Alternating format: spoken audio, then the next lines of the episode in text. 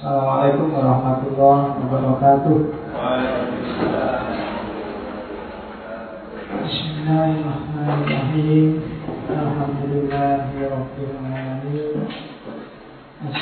Wassalamu ala wal mursalin wa ala alihi wa ashabihi wa man tabi'ahum ila yaumiddin. Amma ba'du. Alhamdulillah malam ini kita bisa melanjutkan ngaji filsafat kita. Kelanjutannya minggu lalu. Tema ontologi. Kemarin sudah pengantarnya Sekarang kita masuk ke Salah satu modus berpikirnya. Nah, Mulai dari yang paling terkenal yang istilahnya sering kita pakai. Saya tidak tahu materialisme ini nanti bisa berapa sesi. Yang jelas tak usahain dua lah, banyak-banyak biar kamu nggak bosan. Kalau terlalu banyak materialisme nanti jangan kamu jadi cowok matre. Ya, jadi sedikit lah materialismenya dua atau kalau terpaksa nanti tiga jadi hari ini saya ngomong materialisme umum aja secara general apa itu materialisme biar kita paham, tidak salah pakai istilahnya. Minggu depan mungkin saya masuk ke salah satu teori materialisme yang paling terkenal dari dunia filsafat yaitu materialisme historis dari seorang tokoh yang pasti kamu semua kenal yaitu Karl Marx minggu depan aja karena kalau tak campur kamu harus tak antarkan dulu ke dunia materialisme malam ini baru minggu depan kita kenalan sama Kalma kayak gimana sih materialisme historisnya Kalma yang menghebohkan itu yang diterjemahkan oleh beberapa politikus dan melahirkan komunisme yang sangat dibenci di Indonesia? Nanti kita lihat cuma minggu depan. Hari ini saya antarkan dulu ke materialismenya Oke, bismillah. Kita buka kitab materialisme. Ya, namanya ngajikan kita, jadi sudah sudah banyak kitab kita ya. Mulai kitab epistemologi, hermeneutik ini kitab ontologi bab materialisme. Halaman pertama. Terminologinya dulu. Banyak konotasi istilah materi. Kalau pengertian biasa sehari-hari dalam hidup sehari-hari kita biasanya materi itu ya. Kamu ngomongnya harta kekayaan dan materialisme biasanya orang menyebutnya orang yang menghargai materi menghargai harta melebihi hal yang lain. Kalau bahasa Jawanya apa? Kedunian nah kedunian itu kan yang sangat terikat sama dunianya. Maksudnya dunia itu kan bukan dunia dunia alam semesta ini, jadi maksudnya sangat terikat oleh hartanya. Jadi hidup mati demi harta. Nah itu pengertian sehari-hari. Dan kalau ada tadi saya bilang cowok materi apa cewek materi itu kan dalam pengertian biasa ini. Jadi bukan dalam pengertian filosofi. Kalau ada orang ngomong, ah kamu cowok materi, kamu nggak perlu tanya ini materialisme historis atau materialisme. Kalau usah diperjelas itu maksudnya ya, maksudnya kamu kok perhitungan banget sih sama itu lah itu. Jadi pengertian dia saja. Jadi senang sama duit, senang sama harta, senang sama kekayaan nah, itu materi. Materialisme dalam pengertian sehari-hari. Ini yang dihindari-hindari betul oleh orang-orang yang senang spiritualitas, yang suka moralitas, pokoknya harta nomor sekian lah. Uang itu bagi saya nomor empat, satu dua tiga masih belum jelas apa. Doa itu materi. Jadi uang tidak nomor satu tapi utama. Kan ada yang gitu. Semuanya tidak bisa dinilai dengan uang, tapi semuanya butuh uang sama aja. Jadi banyak orang yang bulat ujung-ujungnya duit. Nah, UUD, nah UUD itu ideologi materialisme. Oke, jadi pengertian biasa. Dan itu setiap hari kita ketemu dengan itu. Yang kedua materialisme adalah dari sisi ilmu pengetahuan. Orang biasanya menyebut materi, materialistik, materialisme dalam ilmu itu biasanya untuk merujuk pada ilmu-ilmu eksakta. Jadi ilmu yang bekerjanya atas dasar materi. Ilmu yang dirumuskan, dikonsepkan, diteoritisasi basisnya adalah materi dan itu ilmu eksakta. IPA, matematika, biologi, fisika. Jadi dasarnya itu materi. Materi itu level realitas yang paling rendah. Kalau kalian belajar hierarki ilmu-ilmu, itu banyak filosof yang bilang bahwa level ilmu paling rendah itu ilmu-ilmu eksakta. Karena ilmunya ilmu nek bahasa Jawa ilmu katon. Jadi bisa diukur, bisa dibahas, bisa di kamu tinggal menjelaskan, nggak perlu dipikir jadi betul sudah kelihatan. Hitung-hitungannya jelas. Meskipun hari ini justru ilmu eksakta itu levelnya paling tinggi kan. Ketika oh, anak paling pintar itu masuknya harus IPA. Kalau masuk usuluddin itu biasanya buah-buahan terakhir-terakhir. Kalau sudah nggak laku di eksakta.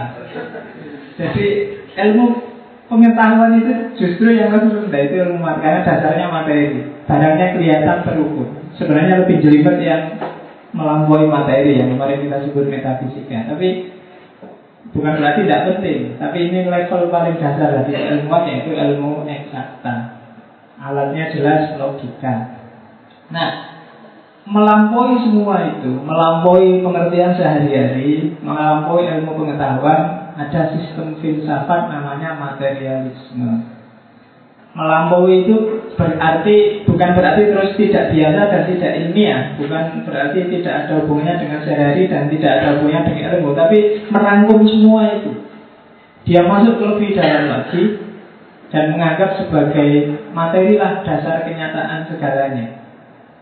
Tidak ada orang bisa mikir, tidak ada orang bisa eksis, tidak ada orang bisa hidup tanpa bersandar pada yang namanya materi keberadaan kita di dunia, bahkan keberadaan dunia ini, itu dasarnya materi. Itu nanti materialisme.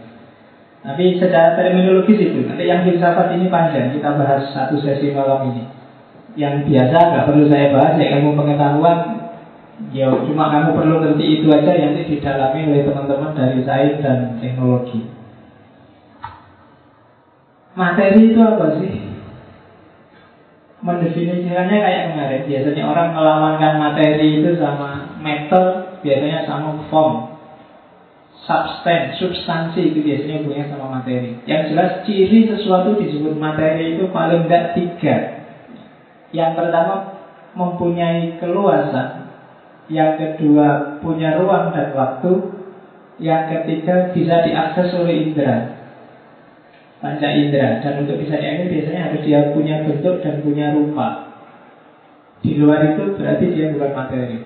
Kalau tidak punya keluasan keluasan itu maksudnya dia punya manifestasi secara fisik dia punya tidak cuma ide biasanya orang menyebutnya keluasan.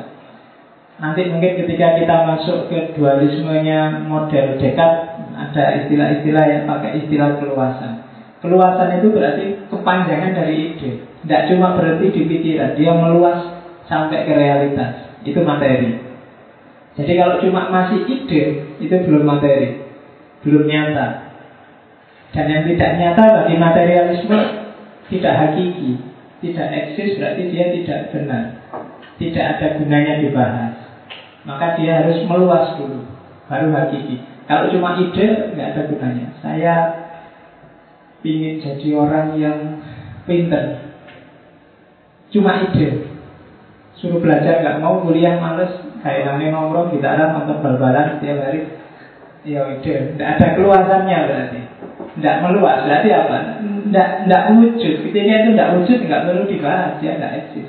Tapi kan esensinya saya pinter nggak peduli Nggak ada esensi. Esensi itu dibentuk oleh eksistensi. Dia harus meluas Kalau ada wujudnya Baru bisa kamu simpulkan manusia itu hakikatnya jahat. Entahlah hakikatnya jahat apa hakikatnya baik bagi materi. Yang penting perwujudannya jahat kan? Atau perwujudannya baik kan? Kalau perwujudannya baik berarti esensinya dia baik. Kalau perwujudannya jahat berarti esensinya dia jahat. Itu keluasan namanya. Yang kedua ada ruang, ada waktu. Itu nggak perlu dijelaskan. Berarti masuk ke dimensi hidup kita. Dimensi kita ini kan dimensi ruang dan waktu. Tidak bisa dibayangkan dunia tanpa ruang dan tidak bisa dibayangkan dunia tanpa waktu. Nanti filosof abad tengah sibuk membahas ini. Termasuk ketika membahas penciptaan itu kan repot menentukan koordinatnya ruang sama waktu ini. Bagi orang yang percaya penciptaan itu dari tidak ada, itu kan berarti tidak ada alam semesta, terus tiba-tiba Allah menciptakan. Nah ada waktu tidak ada ini kan susah. Waktu itu kan tidak ada itu kan. Dari tidak ada alam terus ada alam. Ini kan berarti ada ada, ada jeda waktu. Padahal yang namanya waktu itu kan Iya Siklus perputaran dunia ini. Bisa nggak ada waktu sebelum ada alam semesta ini? Bayangkan ini susah. Dan itu ya bikin sibuk para filosof zaman dulu Cuma kamu nggak perlu repot di situ lah Kamu biar dibikin mereka yang Iya Ya nantilah kalau kamu sudah sakti dengan teori-teori dasar ini kita masuk ke situ kalau ada waktu. Jadi filosof apa tengah biasanya? Filosof filosof Muslim kalau filosof Barat biasanya yang teolog-teolog Thomas Aquinas, Agustinus dan kawan-kawan itu biasanya pembahasannya kayak gitu-gitu. Nah, dia harus berbentuk dan berubah. Jadi parameter paling dasar dari materi itu bisa kamu sentuh. Kalau nggak bisa disentuh ya paling nggak bisa dibau. Kalau nggak bisa dibau bisa dilihat. Atau paling nggak bisa didengar. Atau paling nggak bisa dirasa. Dirasa itu maksudnya oh ya banyak indera itu di nah dipegang pakai tangan terasa atau dijilat pakai lidah terasa. Nah, itu berarti materi pasti angin itu kamu nggak bisa pegang susah pegang angin. Tapi kan kamu bisa merasakan. Dia menyentuh pipimu ah, angin ini berarti kan gitu. Meskipun kamu nggak bisa pegang itu berarti materi. Ada suaranya. Gelodakan wah ini tikus mesti. Biasanya materi. Ketika ada suara itu materi pasti. Nggak mungkin suara tanpa rupa masih materi bukan suara tanpa rupa nggak mungkin suara tanpa materi suara masih ada materinya meskipun kamu nggak ngerti materinya kayak apa ada suara kamu nggak ngerti yang nyampe di telinga itu kan suaranya aja, tapi sebenarnya itu kan gesekan dari benda ke benda. Jadi kalau malam-malam kamu dengar suara gelodakan di belakang rumah yang gelap itu jangan takut, itu enggak. Paling enggak itu ada materi yang sedang bersentuhan. Jadi nggak mesti hantu. Hantunya juga memanfaatkan media materi kalau dia main-main sama suara. Jadi dia harus punya bentuk dan punya rupa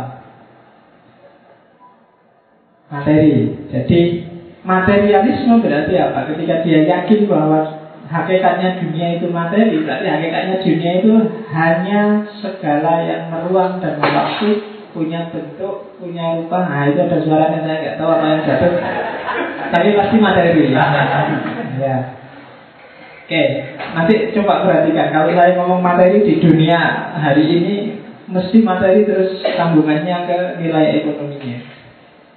Nanti besok di materialisme historis kita lihat ada dialektika yang mengarahkan ke sana. Tapi di sini dulu, jadi materi. Berarti apa? Materialisme adalah jadi dasar dari realitas. Semua yang disebut benar itu adalah materi. Semua hal, semua fenomena itu materi atau interaksi antar materi substansi dasar alam semesta itu materi. Loh kalau ada yang di luar fisik pak, metafisik itu satu di antara dua kalau nggak kamu ngawur ya itu sebenarnya interaksi antara materi. Dalam agama kan banyak itu kan hal-hal yang menurut kamu metafisik kok ya. Tapi orang tidak akan bisa berpikir, tidak akan bisa mengakses, tidak akan bisa hidup kalau tidak menyambungkannya sama materi. Karena dasar kenyataan itu materi Isi yang ada di pikiran kita itu kan dari pengalaman sehari-hari Yang itu sifatnya materialistik Ayo, tak tanya Misalnya yang paling abstrak dalam agama Apa ya? Hari kiamat Besok di hari kiamat kita akan digiring ke padang masyar. Bayanganmu apa digiring ke padang masyar itu? Ya kan kamu dikejar-kejar sampai nyampe di tempat kayak lapangan, bilang gitu, alun-alun besar, terus semua orang alun-alun gimana? Dunia sudah hancur. Tapi kan kamu susah masyar ya lapangan, pak, alun-alun. Jadi kita nanti ngumpul di alun-alun bareng-bareng orang dunia mulai sama, eh gitu. Susah kamu nggak menyangkutkan materi. Besok kita amal baik dan amal buruk kita akan ditimbang. Ayo saya ngomong ditimbang yang muncul di kepalamu apa? Timbang. Jadi kalau di komik-komik surga neraka itu kan mesti kabari besok kamu akan dibawa ke ada timbangan besar, kamu ditaruh di bawahnya terus ditimbang. Kalau yang berat sebelah kanan, itu kan bayanganmu. Kenapa kamu? Karena kamu tidak bisa berpikir di luar materi. Kalau surga digambarkan sangat abstrak mungkin nggak menarik, harus materi.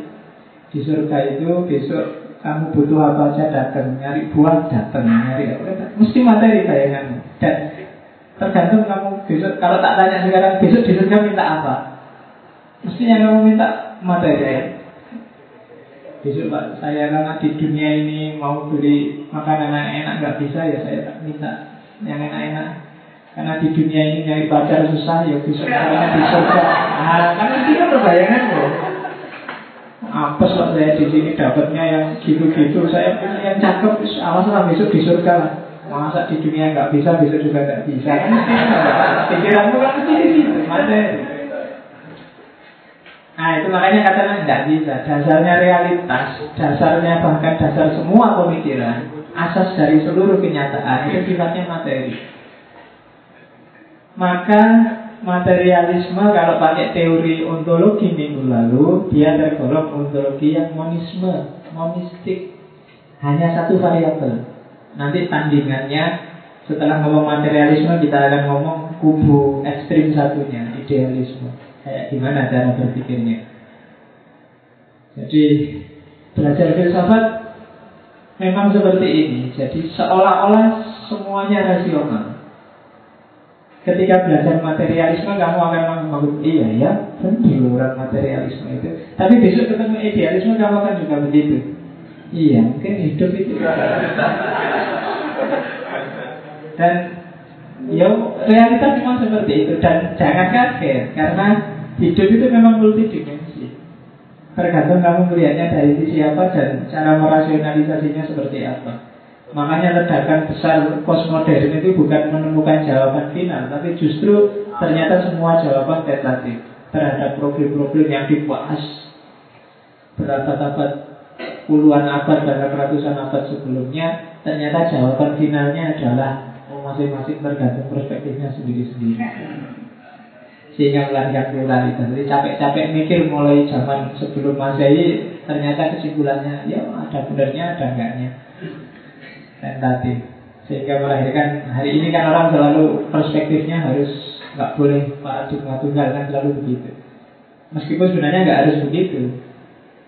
Kadang-kadang ya memang kita terbatas. Realitas iya multidimensi cuma dalam hidup kita memang harus kadang-kadang ngambil satu perspektif tertentu. Nggak bisa kita selalu cair meskipun bisa ganti-ganti. Kali ini saya materialistik mungkin lain kali idealistik. Mungkin kan kayak orang Jabariyah, Qadariyah Hidup ini terpaksa apa bebas? Jawabannya susah. Ya kadang-kadang harus Jabariyah Kadang-kadang harus Qadariyah kan gitu. Kadang-kadang ya terpaksa Kadang-kadang ya berusaha lah kan gitu. Dan Pinter-pinter kamu membaca realitas Untuk kapan kamu harus nembak Kapan harus diem aja.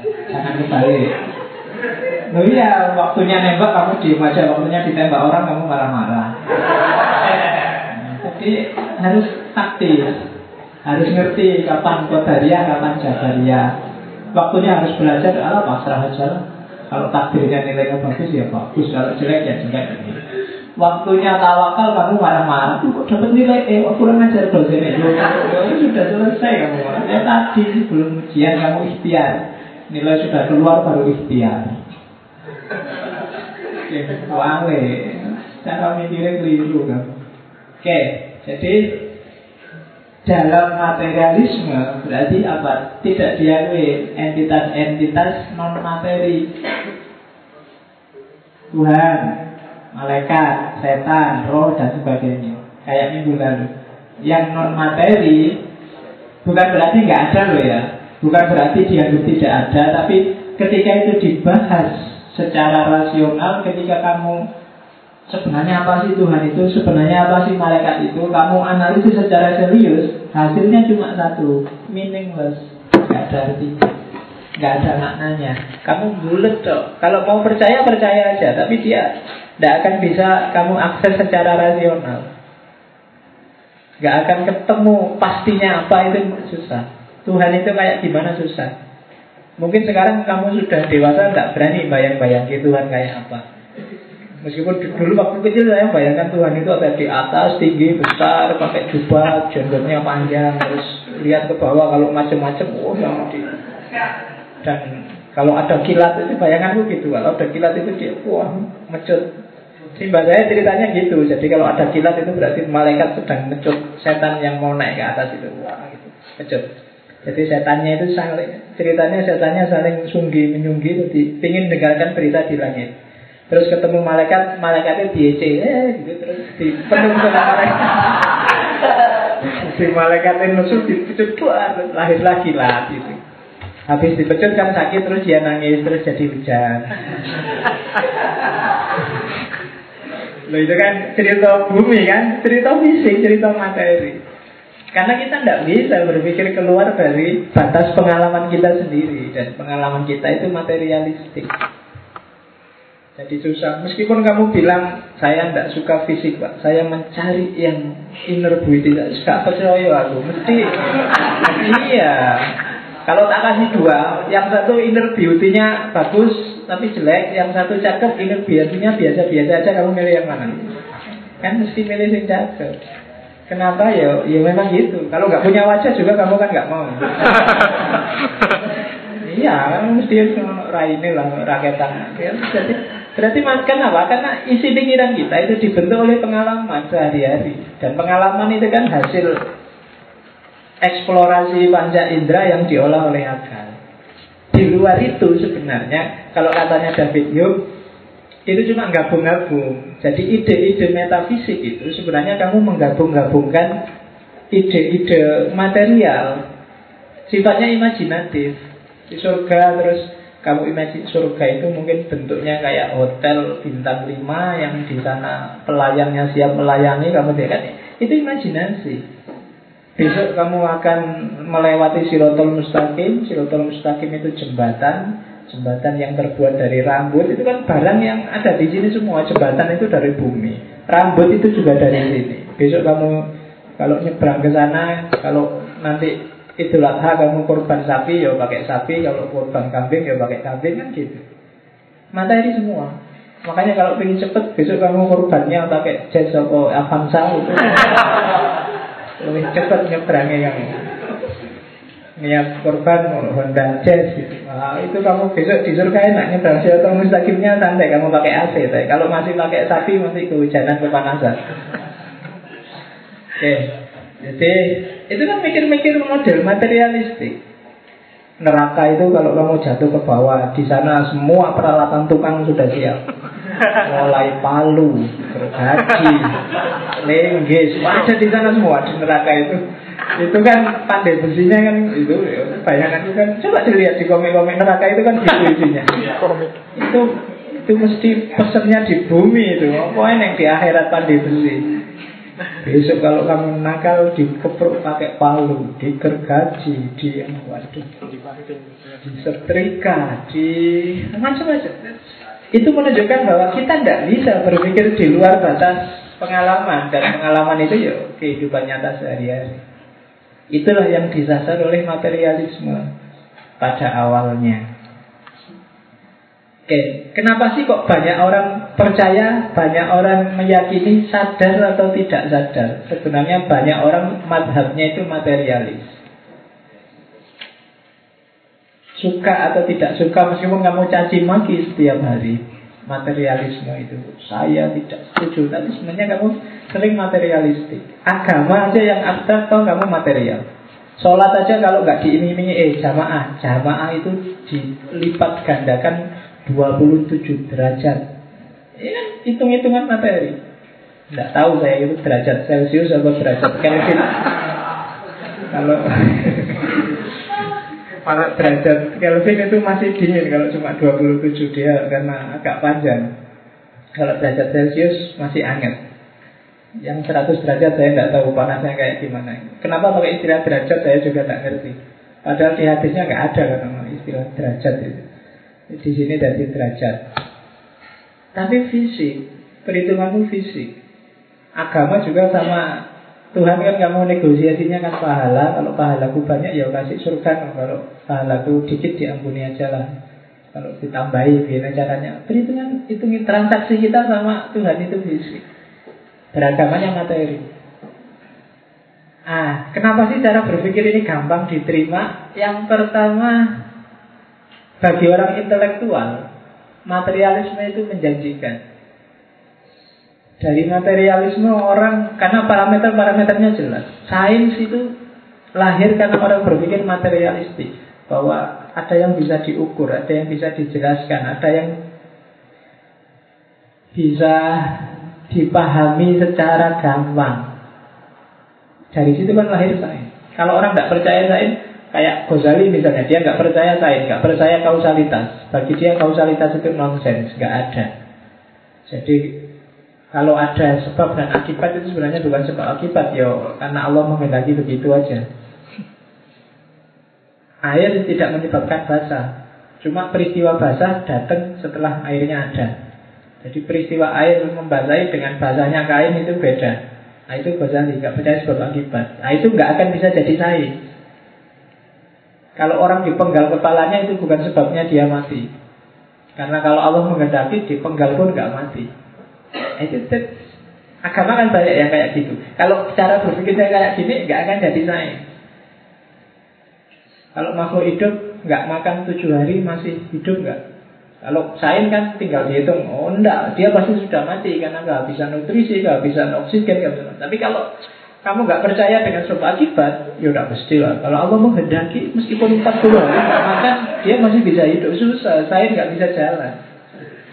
Sains bisa jalan kalau kamu punya kepastian-kepastian ukuran-ukuran parameter yang jelas. Dan itu adanya di level materi. Kalau di level rohani ya susah lagi kan. Orang nggak bisa kalau levelnya rohani misalnya tembok ini warnanya hijau atau warnanya kuning. Kamu harus kalau saya kan jelas ini warnanya hijau. Kalau kamu bilang tidak pak, kalau orang yang lagi stres, lagi mabuk, ini warnanya bisa abu-abu, bisa. Ya, susah lagi kan kalau kayak gitu. Jadi harus ada parameter jelas untuk perkembangan sains. Dan itu adanya di paradigma yang materialistik. Jadi kalau pacarmu marah-marah, kamu kok materi banget sih? Tidak apa-apa. Materi itu kan berarti jelas ukurannya. Kalau kamu dituntut materi kan gampang, uangmu banyak selesai. Tapi kalau kamu mau jadi orang yang baik hati, kamu mau jadi orang yang nah, itu susah parameternya. Tapi kalau materi jelas parameternya. Begitu kamu punya mobil, oh berarti sah. Tapi kalau parameternya. Kamu harus baik hati, kamu harus setia, kamu oh itu susah parameternya. Jadi justru lebih enak menghadapi orang yang matre daripada menghadapi orang yang spiritualis atau orang yang moralis atau parameternya itu tidak jelas. Oke. Okay. Oh itu dari sisi itu cuma dari sisi yang lain ya nggak ngerti. Terus Materialisme yang dipegangi adalah kenyataan yang simple Bukan teori-teori yang abstrak Jadi jelas Air itu kalau dipanaskan 100 derajat mendidih Lihat aja gampang, simple Tapi kalau orang bilang setiap orang yang sabar Insya Allah dia besok akan menang Hidupnya sukses Itu ngukurnya susah, kamu menang panting mesti Lu saya sabar sejak lama kok tidak sukses sukses belum belum nanti akhirnya mesti sukses. Dua puluhan tahu kalau aku sabar belum belum akhir itu akhir akhir. itu kan susah. Kapan akhir itu? Nanti kalau sudah lalu sampai mati dia susah terus loh. Insya Allah di akhirat.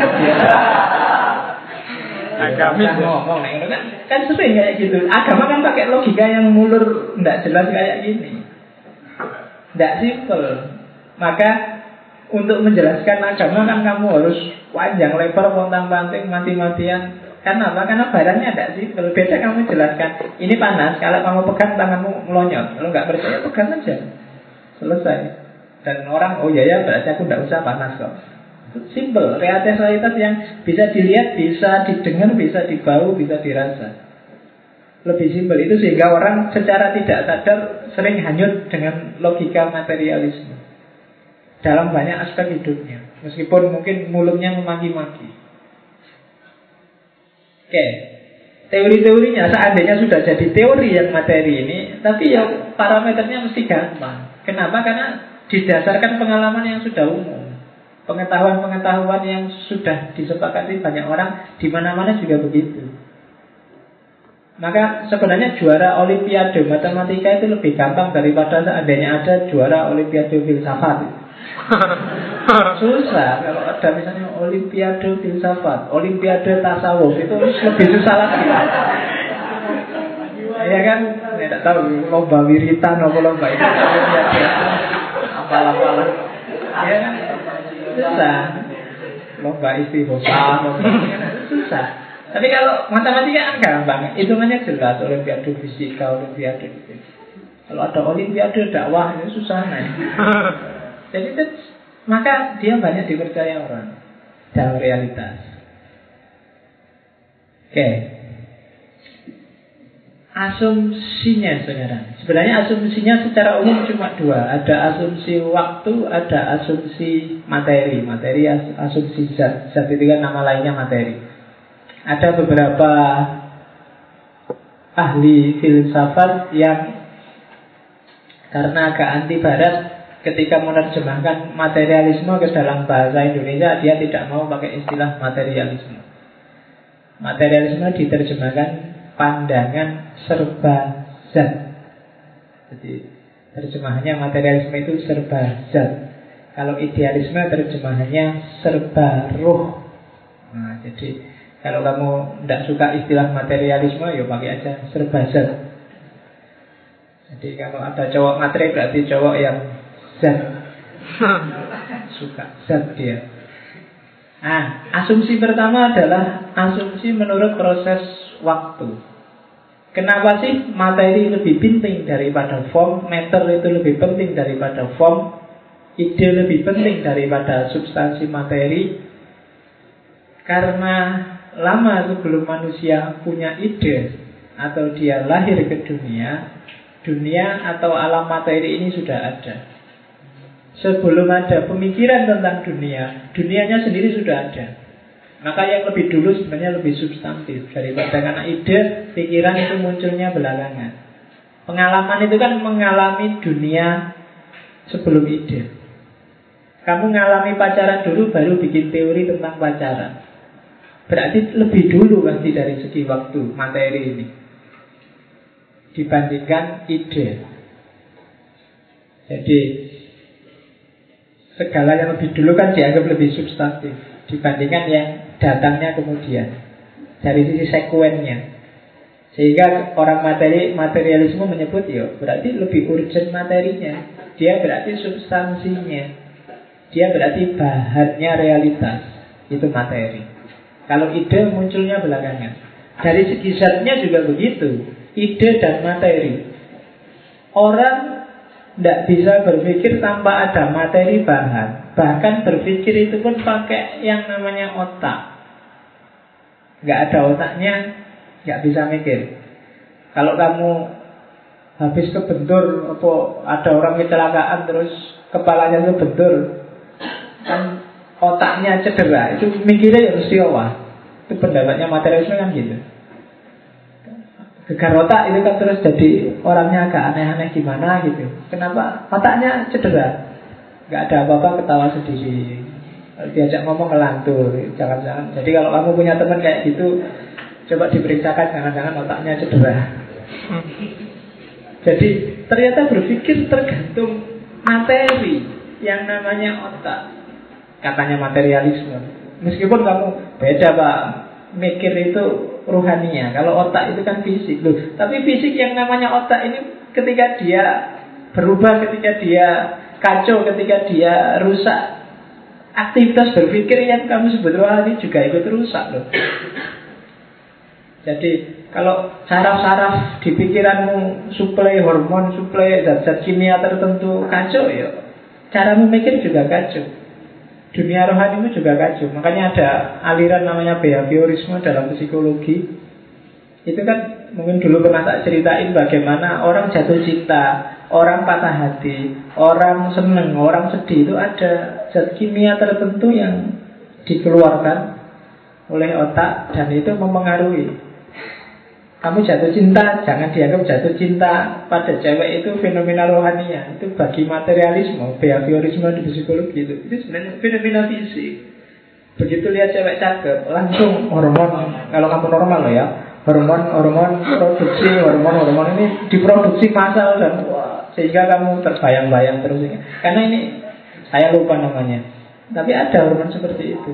Itu yang bikin orang kalau pacaran itu seolah-olah dunia kiri kanan nggak ada siapa-siapa. Meskipun pikiranmu masih sehat, tapi kamu ke situ terus. Jadi bukan pikirannya ternyata, tapi ada hormonnya yang nyetir cara kamu berpikir. Kalau di penelitianku kan tak sebut itu yang yang filsafat cinta itu saya lupa tahun 2000 2001 yang diterbitkan kolam itu. Jadi kalau hormon ini hormon jatuh cinta ini ternyata diproduksi tidak selalu dan tidak massal, terbatas. Jadi paling seandainya kamu pakai tiap hari hormon jatuh cinta itu. Ketika jatuh cinta kamu tiap hari bikin puisi Tiap hari yang nyangan, tiap hari SMS-an Itu tidak lama, paling lama 2 tahun. Kalau sudah 2 tahun biasanya sudah tidak kayak waktu kamu jatuh cinta pertama Karena mulai berkurang zat kimianya Bisa-bisa habis kalau kamu pakai tiap hari. Jadi rasanya beda. Kalau kemarin lihat yang lain itu tidak ada yang cakep sekalipun Begitu 2 tahun Kok banyak ya yang lebih cakep dari pacarku ya? Iya. Yo, makanya kalau pacaran jangan boros. Ini dikit-dikit lah. Hemat, hemat. Iya, dihemat, jangan dihabis-habisin. Kayak listrik ya. Iya, jangan SMS tiap hari, antar jemput tiap hari, gombal-gombalan tiap hari buat apa? Dikit-dikit aja. Kecil. Iya, ayo kira-kira setengah tahun sekali lah. Kayak musuhan. Ya, kayak musuhan. Kalkulasinya biar awet. Kalau dibilang kamu mau tidak setia, tidak pernah SMS, tidak pernah anu, tenang aja, biar kita awet. awet sekali. Nah, kalau diborosin jadi kacau. Jadi biar kita awet lah. Dan coba nanti kalau ada yang belajar psikologi atau sekali-sekali bikin kajian psikologi yang behavioristik itu hampir semua fenomena itu sebenarnya ada hormon-hormon tertentu yang ngatur Gitu Oke, jadi dan yang disebut rohani itu kan asumsi terakhir. Yang kamu sebut mental kayak rohani, kayak jiwa, kayak itu sebenarnya kan kondisi pikiran. Saya sedang nyaman pak, jiwa saya sedang tentram. Itu kan kondisi pikiran. Dan ternyata kalau diteruskan kayak tadi, begitu dinaikkan kondisi pikiran juga tergantung otaknya. Kalau otaknya sehat ya lurus-lurus saja, tapi begitu otaknya error jadilah. Makanya kalau kamu sedang stres luar biasa ke dokter kan dikasih obat penenang. Obat penenang itu kan ini obat rohani berarti langsung arahnya ke enggak itu yang di, yang diserang kan otakmu biasa aja otak fisik. Bukan menyerang otak rohani, nggak ada obat yang arahnya ke rohani. Orangnya arahnya mesti ke fisik. Nah, makanya katanya kelompok materialisme enggak lah. Yang kamu sebut rohani, yang kamu sebut gaib yang itu sebenarnya fenomena-fenomena pikiran, fenomena-fenomena otak. Kamu aja yang terpengaruh. Karena otak ini kan gampang sekali dipengaruhi. Gampang potensinya luar biasa yang sering kita nggak bisa apa menggali dan banyak daya-daya yang tidak tersentuh. Termasuk kadang-kadang memancing histeria massa pas saya kesurupan dia kesurupan. Dia jadi itu itu sebenarnya ada salah satu daya yang bisa memancing ke situ. Itu yang kadang-kadang bikin kalau saya menguap angop kalau bahasa Jawa ini angop ya. Angop bahasa Indonesia nya menguap. Itu menguap itu uapnya keluar semua.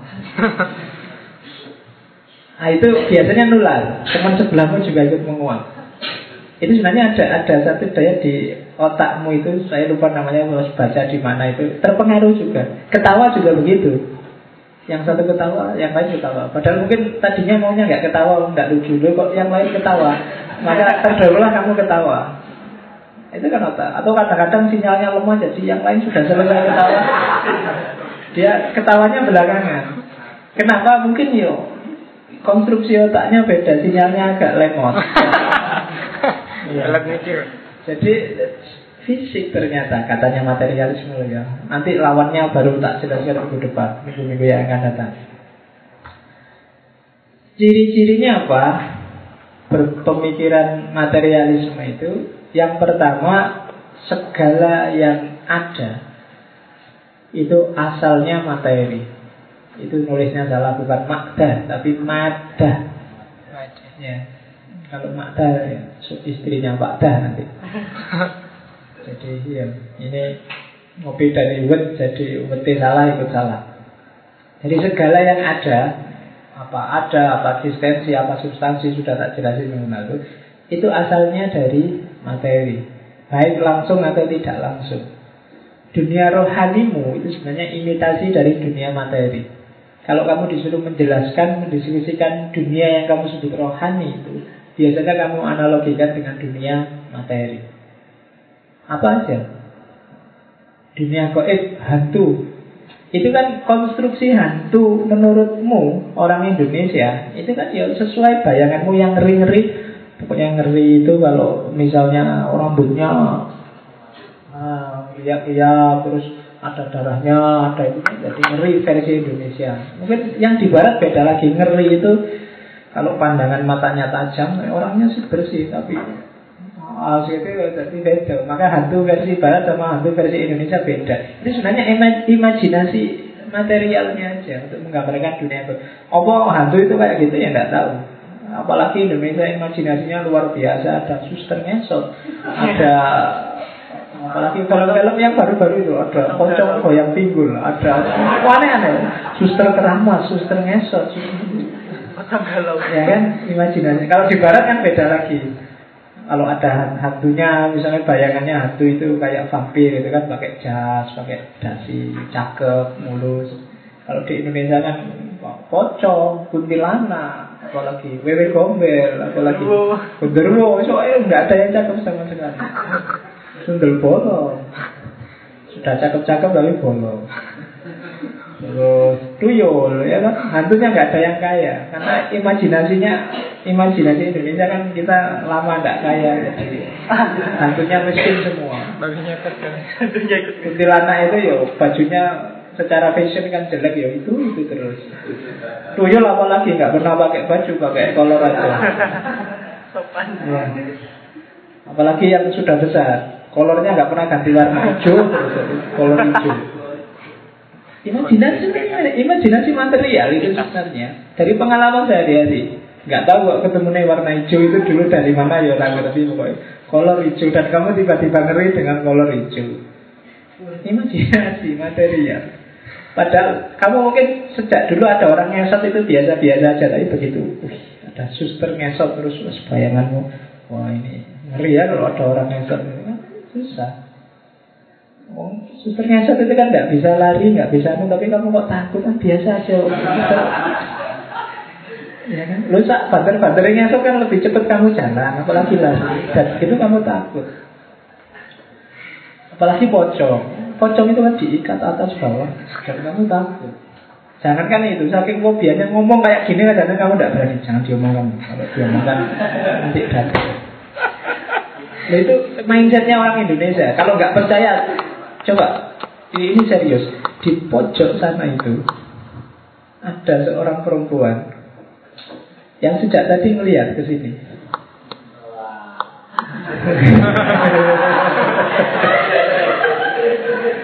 dia sejak tadi ikut senyum-senyum. Kalau kamu ketawa, dia ikut ketawa. Dan percayalah nanti kalau ada malam-malam di sini sendirian, ada suara keludan, gede langsung Rambutnya naik. Iya. Ini serius loh ya. Gue takut ya. Kamu sudah deg-degan kan aku ngomongnya itu. Tapi serius saya. Oke, tak lanjutin urusanmu. Sekarang kelola sendiri rasa Oke, kalau materialisme dia tidak yakin ada yang goib-goib. Goib itu ya kreasi mental. Dan mental itu ya pengaruh tadi. Pengaruh otak, pengaruh pikiran pengaruh. Itu karanganmu wajah Imajin, buktinya ya wajahnya bisa macam-macam. Ada penelitian, mungkin kamu pernah baca bukunya tentang mati suri. Mati suri itu sebenarnya belum mati kan? Dia masih ya antara-antara lah. Dan pengalamannya itu sesuai dengan tradisinya masing-masing yang Kristen merasa ditemui Yesus, yang Islam merasa ketemu malaikat, yang macam-macam. Ada yang ketemu saudaranya, ada yang ketemu sesuai imajinasi setiap harinya dia. Mungkin ketemu pacarnya yang lama atau ketemu bapaknya yang dikangeni atau pokoknya selalu sesuai dengan apa yang ada di bawah sadarnya. Jadi jadi kalau dia saya mati suri ketemu Yesus ternyata. Jangan keburu oh, berarti memang benar Kristen ini bukan Islam. Tidak itu sebenarnya dari manifestasi bawah sadar. Karena kalau sudah mati beneran tidak mungkin dia bisa kembali. Mati suri kalau mati suri itu kan dari kondisi state ketika sebenarnya masih ada relasi antara rohani sama jasmaninya cuma jasmaninya sudah sangat parah sehingga tidak merespon sinyal dari rohaninya kan gitu aja sehingga memori bawah sadarnya naik semua. Kan fenomena itu. Tapi kan kalau ada yang kayak gitu kan kamu terus wah luar biasa. Kamu anggap dia sudah mengembara di dunia spiritual. Padahal itu biasanya bawah sadar. Mimpi itu kan itu sebenarnya kayak kalau kamu mimpi kan sebenarnya manifestasi bawah sadar semua. Yang namanya bawah sadar itu nggak bisa dikontrol Biasanya kalau kamu sudah bercita-cita Saya ingin nanti malam ketemu dia Tidak ketemu-ketemu mesti. Kenapa? Karena kamu sudah tarik dia dari bawah sadar ke atas sadar. Tapi ketika otakmu sampai di level beta Itu biasanya bawah sadarnya ke atas sendiri. Kalau banyak data tentang pacar lama Dia akan naik sendiri ke atas waktu kamu tidur. Tapi kalau sudah kamu laporkan tiap hari Berarti dia sudah bermain di kepalamu ya. Dia tidak akan muncul lagi Berarti dia sudah di atas nggak perlu Ketemu waktu tidak sadar. Psikologi yang bisa begitu. Terus Cirinya materialisme yang ketiga adalah Satu-satunya parameter yang valid Untuk mencapai pengetahuan adalah panca indera. Pakai akal ya, tapi akal harus dapat bahan dari panca indera. Kalau akal murni yang dikritik oleh Immanuel Kant akal saja, maka dia tidak ada gunanya. Pemikiran yang a priori itu dari akal ke akal itu biasanya sifatnya tautologis, tidak ada gunanya. Dosen adalah orang yang mengajar di kampus itu tautologis, nggak ada, nggak ada gunanya. Pemikiran akan produktif kalau itu tadi sumbernya pengalaman panca indera. Kalau pakai panca indera, kamu akan dapat data baru. Tapi kalau akal saja dikira-kira, ya hasilnya spekulasi-spekulasi. Jadi katanya materialisme ya satu-satunya yang valid. Kalau kamu ingin jadi orang kreatif, pengetahuannya banyak, ya andalannya harus panca indera. Enggak, ah, saya mikir sendiri juga nanti ketemu Pak, tidak bisa. Data yang baru, data yang valid itu tetap panca indera andalannya. Katanya materialisme. Karena dasar semuanya panca indera, panca indera untuk memperoleh ilmu, maka tata hidup individual dan sosial bagi seorang materialistis, seorang yang materialis itu ilmu. Dia ketika dia ilmu berarti harus ada sumber pengalamannya yang didapat dari panca inderanya. Bukan agama, bukan tradisi, itu tak terjemahkan langsung aja, bukan tradisi yang tidak masuk akal. Bukan mitos-mitos Akal Jadi Realitas kita sehari-hari harus dijawab dengan ilmu Bukan dijawab dengan mitos. Baik mitos itu dari agama maupun dari tradisi Katanya kelompok materialis. Kenapa? Karena kalau begitu itu ilmu berarti jelas ukurannya. Manfaatnya jelas, bahayanya jelas. Tapi kalau dari mitos, dari agama, dari tradisi sering-sering tidak jelas kamu disuruh A, tidak tahu mengapa, disuruh B juga tidak tahu mengapa. Tradisi Jawa misalnya kita harus membuang tumpeng di laut setiap hari apa gitu kan. Itu tradisi jelas. Mungkin agama marah-marah. Tapi secara ilmu masuk tidak ya? Kira-kira harus buang tumpeng tidak ya? Atau jangan-jangan daripada boros besok simbolik aja lah tumpengnya Jangan diganti tumpeng yang serius Mungkin diganti tumpeng plastik aja loh ya simbol Misalnya takut. Enggak, itu nanti kan penghuni laut selatan. Itu goib lagi. Jadi cara berpikirnya ilmu. Dan ilmu itu ya kayak tadi sumbernya panca indera. Bukan tradisi. Kalau itu tradisi, ukuran benar salahnya yang susah. Orang bisa debat pakai seribu satu dalil. Tapi membuktikan kira-kira pasnya apa susah. Agama kan gitu. Aliran A, aliran B, mata apa, B. Itu kan dari akal ke akal. Pasnya gimana nggak tahu. Besok kalau kamu mau jadi peserta bom bunuh diri, begitu kamu meninggal, kamu akan dijemput bidadari yang jumlahnya berapa? Tujuh ya? Berapa? Banyak kok itu, tidak cuma tujuh. Tujuh puluh berapa? itu kan kamu bisa debat tiga hari tiga malam tentang itu, tapi ya susah kalau nggak ada bukti fisiknya. Itu yang katanya orang-orang materialisme meaningless, nggak ada artinya, nggak ada gunanya. Yang setuju juga tidak punya dasar, yang tidak setuju juga tidak punya dasar. Itu materialisme. Karakternya berarti seorang materialis yang pertama dia akan mencari jawaban bagi semua problem pengetahuannya dengan menggunakan metodologi yang objektif positivistik. Objektif itu berarti yang basisnya adalah objek, bukan asumsi-asumsi, bukan pandangan-pandangan subjektif, dan positivistik. Positivistik itu yang terukur, yang positif, jelas secara empiris dan masuk akal. Hanya itu yang diterima oleh materialis. Jadi kalau ada masalah apa pun, ya dilihat secara objektif, dilihat parameter-parameter fisiknya, dilihat bagaimana pendaya gunaan akalnya dan seterusnya. Yang kedua, deterministik. Jadi dia punya pandangan bahwa setiap peristiwa itu pasti ada logikanya. Setiap kenyataan pasti ada strukturnya, pasti ada polanya, dan itulah yang dikejar. Kalau dalam bahasa agama, kejarlah sunatullahnya. Sunatullah itu kan hukum yang ada di alam semesta ini, yang sifatnya given. Given itu ya terberi. Terberi itu maksudnya dia ada, tinggal kamu pahami, tinggal kamu kejar. Ini sistemnya kayak gimana sih? Jadi alam semesta ini tidak aneh, tidak misteri. Misteri itu kan hanya ketika kamu belum tahu jawabannya. Begitu tahu jawabannya, oh ya, cuma kayak gitu aja.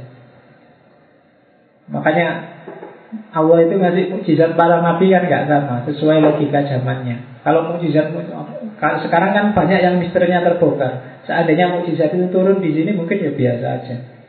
Nabi Musa itu bisa nyebrang laut tanpa naik kapal. Kan sekarang oh biasa. Misalnya kemarin ke Madura nggak naik kapal. Ada Suramadu nyebrang aja biasa aja. Itu nyebrang laut kan gitu. Oh Nabi Daud itu kalau dia ngaji, dia ngaji di sini, dia teriak orang dari sana bisa kedengaran, orang dari kecamatan sebelah bisa kedengaran kan. Di antara mujizatnya Nabi Daud kan itu. Tapi kalau hari ini kamu dipameri mujizat kayak gitu kan tidak kaget. Biasa aja kok pakai HP. Gak usah teriak bisi-bisi aja kedengaran. ya kan? Ketika misterinya terbuka ya selesai. Nabi Ibrahim itu dibakar tidak mempan. Gampang pak. Tinggal pakai bajunya pemadam kebakaran yang anti api itu. Tidak, dibakar juga tidak mempan. Jadi banyak misteri-misteri terus kamu jadi Oh berarti mukjizat itu mungkin ya peristiwa alam yang mendahului orang belum paham itu terus paham. Makanya Nabi Isa itu kan di antara mukjizatnya menyembuhkan orang sakit lepra. Zaman sekarang kan biasa aja itu bukan mukjizat pak. Eh, tapi zaman itu mukjizat. Jadi sesuai logika zamannya. Jadi mungkin memang kuasanya Allah itu bukan ngasih sesuatu yang luar biasa, tapi membuka sesuatu yang pada masanya belum terbuka, belum orang paham. Itu di antara teori tentang mujizat itu seperti itu. Kayak dulu saya di Iran pernah ada kan yang memang madhabnya seperti ini. Jadi, lah kalau Nabi Musa tongkat jadi ular, lah itu gampang. Sebenarnya tongkat itu memang bisa jadi ular, cuma prosesnya dipercepat. Kalau tongkat kamu tancapkan di tanah, Ah, dia akan tumbuh terus punya buahnya, nanti buahnya dimakan ular. Loh, tongkatnya jadi ular sekarang. Jadi itu prosesnya jadi tongkat dilempar akhirnya jadi ular. Pokoknya bola, kayak gitulah. Intinya teori-teori yang seperti itu. Kan banyak mujizat-mujizatnya para nabi yang aneh-aneh itu. Nah itu sebenarnya itu sebenarnya sunatullah aja, ada hukum alamnya. Tapi ya ada setiap peristiwa ada sebabnya. Makanya perjalanan fisiknya Nabi Isra Mi'raj itu Yang Mi'raj mungkin mukjizat cuma karena itu perjalanan batin nggak bisa diukur Mi'raj. Tapi yang Isra kan kelihatan dari Masjidil Haram ke Masjidil Aqsa. Zaman itu mukjizat, tapi mungkin sekarang enggak. Orang bilang kok dari Masjidil Haram ke Masjidil Aqsa paling sekejap kalau naik jet apa naik apa tertentu bisa sekali bisa nyampe langsung. Jadi ada determinisme, ada sunatullah, ada sistem di alam semesta ini yang tinggal kamu baca tinggal kamu cari rahasianya nanti akan ketemu. Tidak ada yang sekarang kamu sebut goib, yang sekarang kamu sebut misteri, itu hanya belum terbongkar aja rahasianya. Zaman dulu kan banyak wah ini, wow alam, hanya Allah yang tahu. Tapi sekarang, oh itu tuh, cuma itu ya paham lah. Kan gitu. Sekarang kan banyak, banyak kan yang kayak gitu. Dulu kamu serahkan pada Allah. Karena kamu anggap ini kuasanya Allah. Tapi sekarang, oh.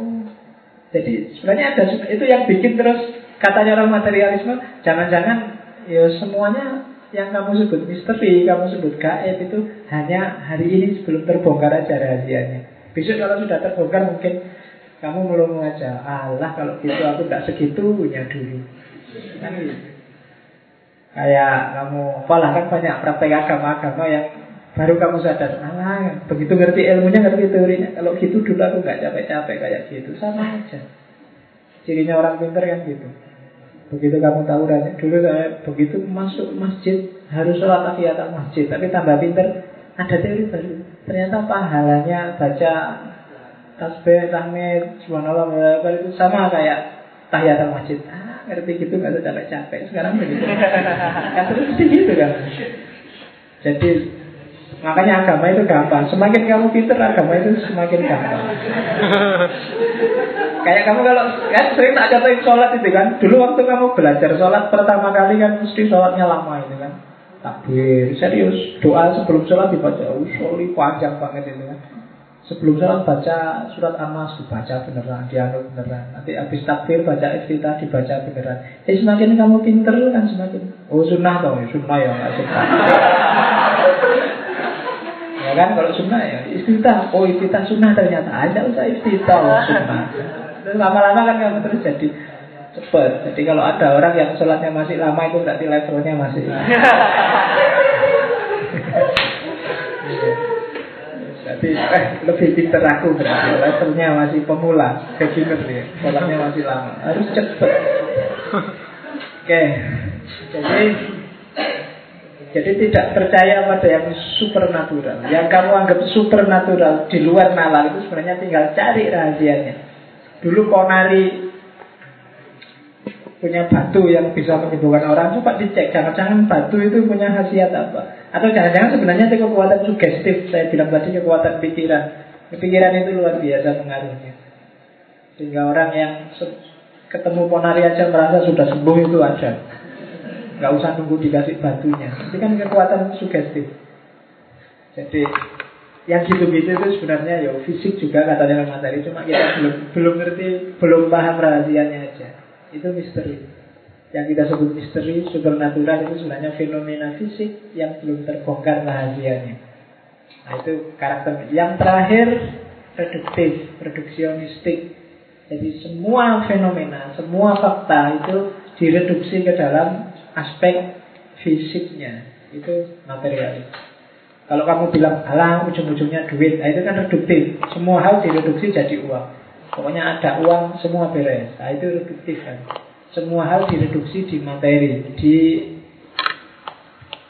aspek materinya. Dan reduksi itu kan biasanya hal yang kompleks dijelaskan di salah satu sisinya. Hal yang banyak keseluruhan dijelaskan di satu bagian kecilnya itu dan bagian kecil kalau di materialisme ya materinya itu manusia berarti yang paling substansi yang paling asasi itu ya materinya fisiknya Fisik menentukan kalau kamu percaya ada rohaninya, menentukan rohani. Fisik menentukan jiwanya. Pikirannya. Jadi otak itu menentukan pemikiranmu. Kalau otakmu nggak sehat, pikiranmu juga tidak akan sehat. Kalau pikiranmu nggak sehat, ya berarti jiwamu nggak sehat. Kan gitu. Jadi reduksinya pada aspek fisiknya saja itu karakter materialisme. Kita lihat sejarah filsafat ternyata diawali dari materialisme.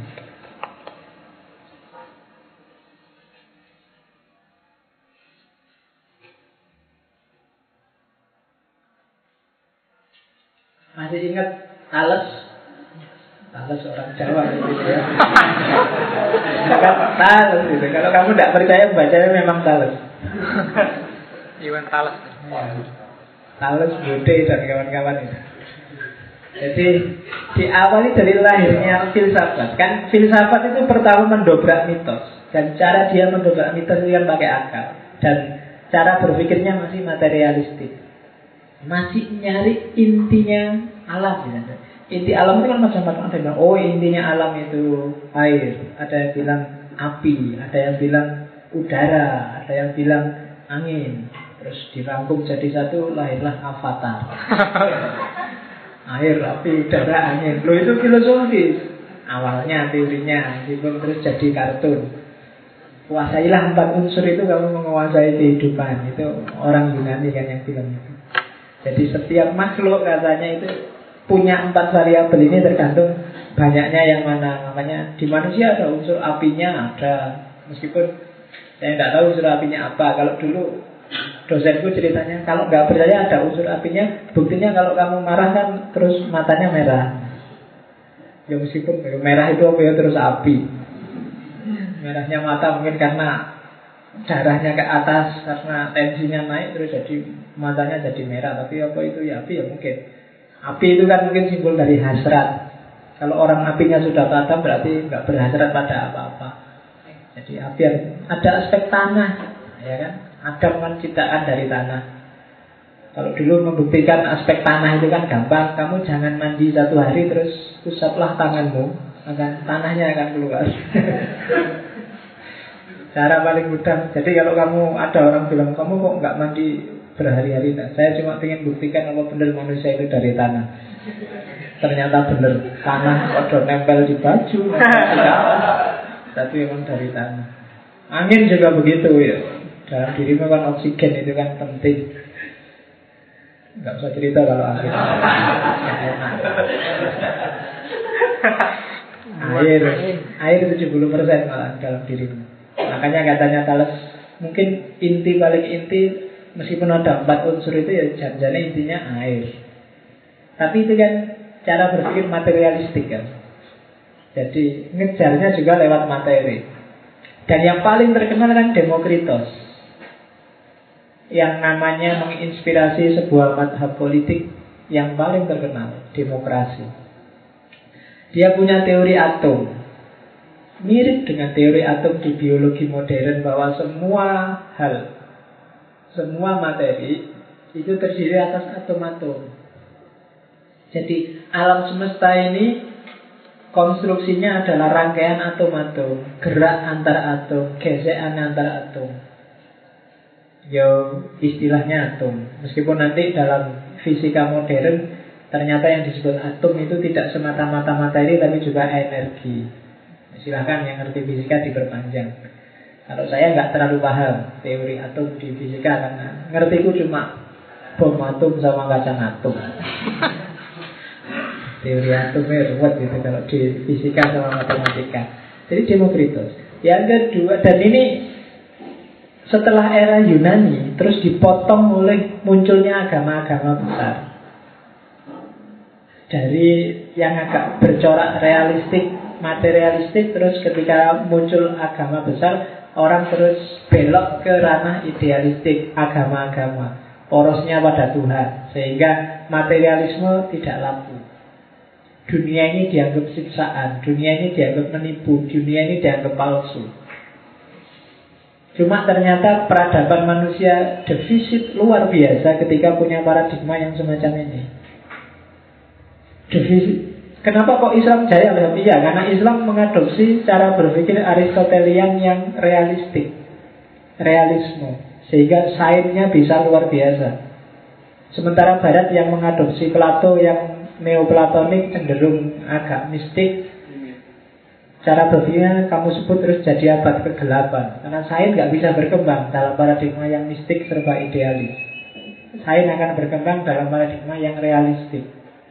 Seperti Islam zaman dulu. Meskipun Islam kemudian ketika Barat sadar dengan kekalahannya Terus belok lagi ke arah dunia realistik Islam malah beloknya ke idealistik. Islam terus belok ke sufi karena kalah. Secara politik kalah itu kan Paling gampang kalah dan menghibur diri itu kan larinya ke tasawuf Lari ke yang ideal-ideal kalah di dunia tidak apa-apa. Kan itu mesti. Di akhirat menang biarkan orang kafir merajalela yang penting kita diridhoi oleh Allah kan mesti gitu. Jadi ya itu kan cara berpikirnya orang kalah. Jadi biar masih tetap bisa ketawa-ketawa yo kamu harus punya kan gitu. Jadi abad tengah goyah terus booming lagi meledak lagi cara berpikir materialistik di era setelah Renaissance of Claro pencerahan di Barat, era scientific revolution, ada booming revolusi ilmiah sekitar abad 17. Teori-teori baru, gravitasi, tentang rotasi bumi dan seterusnya wis yang luar biasa itu kan kamu tahu sendiri. Yang kamu nikmati hingga hari ini. Jasanya booming ilmu pengetahuan itu. Cara berpikirnya materialistis. Jadi kamu boleh tidak setuju terhadap materialisme, tapi sebenarnya jasanya besar untuk peradaban kita hari ini. Kalau nggak ada materialisme, saya nggak akan kayak hari ini. Nggak akan ada HP, nggak akan ada laptop, nggak akan ada mikrofon. Semuanya serba walau alam bisawab kalau pakai paradigma. Iya kan? Kalau agama kan selalu begitu. Sudahlah jangan sudah susah. Wallahu a'lam bisawab. Hanya Allah yang tahu mana yang benar, mana yang. Padahal akal kita itu kan sebenarnya kan wahyu, setengah wahyu yang kedua. Makanya Al-Quran bolak-balik bilang afala tak kilo, afala baru. Itu kan dalam rangka membaca ini sebenarnya. Materialisme saya tidak tahu, cuma kesan saya tidak salah sih. Cuma ya kayak tadi dia reduktif, membaca realitas hanya dari sisi ini. Padahal sebenarnya realitas itu mungkin multidimensi. Meskipun banyak orang yang mati-matian anti dengan materialisme. Nah, era scientific revolution ini nanti mengimbas ini kan dunia eksakta, dunia ilmiah. Dalam sejarahnya kemudian dia masuklah ke dunia sosial dan humaniora. Masuk ke kajian agama, masuk ke kajian ilmu sosial seperti materialisme historisnya Karl masuk ke materialisme kultural. Yaitu ada materialisme kulturalnya Marvin Harris. Saya tidak tahu mungkin kalau moodnya ada setelah materialisme historis kita bahas materialisme kultural. Ini teorinya agak baru materialisme kultural. Tapi luar biasa bagi penggemar kajian antropologi. Saya baru bikin tulisan panjang lebar tentang Marvin Harris. Kalau ada yang mau boleh. Kalau yang behaviorisme, yo kamu carilah psikolog-psikolog untuk bahas ini. Bahwa sebenarnya fenomena manusia itu fenomena materialistik dasarnya materi. Jadi ini ilmu ini luar biasa. Agama pun kemudian terimbas materialisme kan. Parameter-parameternya fisik. Yang paling terasa kan di fikih. Fikih itu kan dialektika fisik orang beragama. Hukum-hukum fikih itu kan hukum-hukum fisik. Dan itu paradigmanya biasanya positivistik. Halal atau haram. Kalau level ini namanya halal, kalau level ini namanya haram, kalau ini itu kan parameter-parameternya jelas, tegas, eksak. Sumbernya realitas, pengalaman. Jadi di antara kajian agama, kajian Islam yang dekat dengan ilmu eksakta itu sebenarnya fisik. Anu, fikih. Kalau akidah agak dalam masuknya, apalagi filsafat, apalagi tasawuf. Tapi fikih ini fisik. Ya meskipun kadang-kadang realitas fikih itu berjarak dengan realitas sehari-hari, tapi basisnya dia fikih. Kalau saya belajar fikih kan hukumnya aneh-aneh itu kan ngarang sebenarnya, tapi kan basisnya fisik. Ya kalau saya di pondok dulu kan Biasanya Pak Yai itu membahas hukum yang kadang-kadang di realitas juga nggak ada sampai segitunya. Tapi dibahas. Basul masail mas. Gimana kalau kita sholat terus bajunya ini benangnya lepas satu panjang sekali sampai di luar masjid sana. Eh kok dilala jatuhnya pas kotoran. Nah, itu sholatnya sah apa enggak? Aneh-aneh kan hukumnya. Mikirnya susah dan itu dibahas berhari-hari itu kan pakai basul masak kilo-kilo. Padahal ya gampang. Kalau pak kayak gitu potong dulu baru sholat. Nah, ini panjang kan. Gimana kalau saya mau wudhu, airnya sumurnya ada, tapi tidak ada timbul, tidak ada ciduk sama sekali. Ada ciduk cuma satu. Itu pun dari kulitnya babi. Aduh. Susah ya. Ini wudhu apa enggak ya? Kalau wudhu kok ya kulitnya babi. Kalau tidak wudhu, masa salah tidak wudhu? Apa saya memaca apa ya pakai itu aja tidak apa-apa kulitnya dari babi. Susah. Jadi pikirkan, jadi hukumnya kadang aneh dan yang tidak terpikirkan itu bisa muncul kalau difikir. Tapi itu ilmu yang paling dekat dengan dunia eksakta. Paradigmanya biasanya materi, parameternya kan jelas. Kalau tidak halal ya lima tapi tidak dua loh ya. Karena orang Islam hari ini itu biasanya merasa Islam itu isinya cuma dua kalau nggak halal ya haram. Padahal ya mungkin di bawah-bawahnya dikit lah. Ya halal sih enggak, cuma dia agak sunnah. Haram sih enggak, cuma makruh lah. Kan kita sudah. Kalau yang ini mubah kan susah kita mikirin. Bahwa kita mikirin misbut halal apa haram. Terus rokok halal atau haram ya? Mikirnya cuma dua gitu, padahal kita punya lima. Jadi itu bagi saya lebih positivistik daripada positivisme logik. Sudah dikasih lima malah direduksi lagi jadi dua. Kan selalu gitu kan, kamu selalu tanya ini halal atau haram. Kok nggak mikir? Ya kadang-kadang ada sunnah, kadang bahkan kadang-kadang satu peristiwa itu bisa dilihat dari banyak perspektif kok. Pacaran itu halal atau haram? Apa makro? Apa sunnah? apa mubah, macam-macam. Jangan-jangan malah wajib. Lo mungkin ada momen Pak kalau saya nggak pacaran Pak, saya pusing Pak. Kalau pusing kasih ya Pak nanti saya jadi sakit, nggak ibadah nggak tenang kuliah nggak. Boleh itu ngerti kamu ada yang kayak gitu. Kalau saya sakit ini ibadah nggak bisa, kuliah nggak bisa. Kalau kuliah nggak bisa kasihan orang tua Pak. Ini nggak selesai selesai kuliah juga. Saya harus pacaran dalam rangka biru waliden Pak. Jadi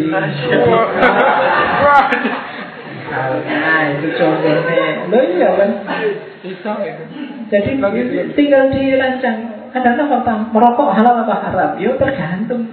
Setiap orang punya konteks. Ada loh orang yang kalau nggak merokok Dia nggak bisa mikir. Begitu rokoknya lepas Dia blacklist sudah.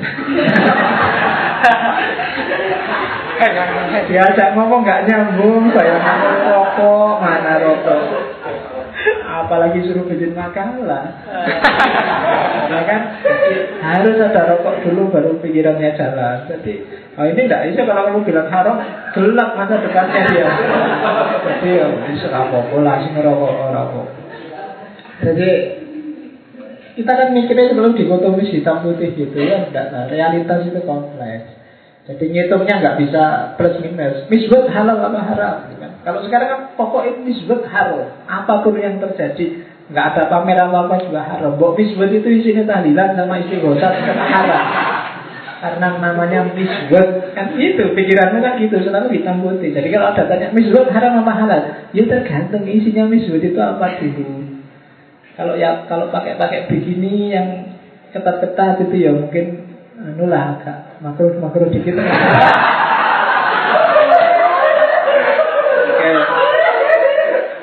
Ya kan nyari diisi kan. Katanya Ali bin Abi Thalib itu kalau kamu yang sakit mata yang baik kacamata, obatnya mata itu tiga. Yang pertama lihat air yang mengalir. Jadi sering-sering ke pantai itu. Yang kedua lihat hijau-hijauan.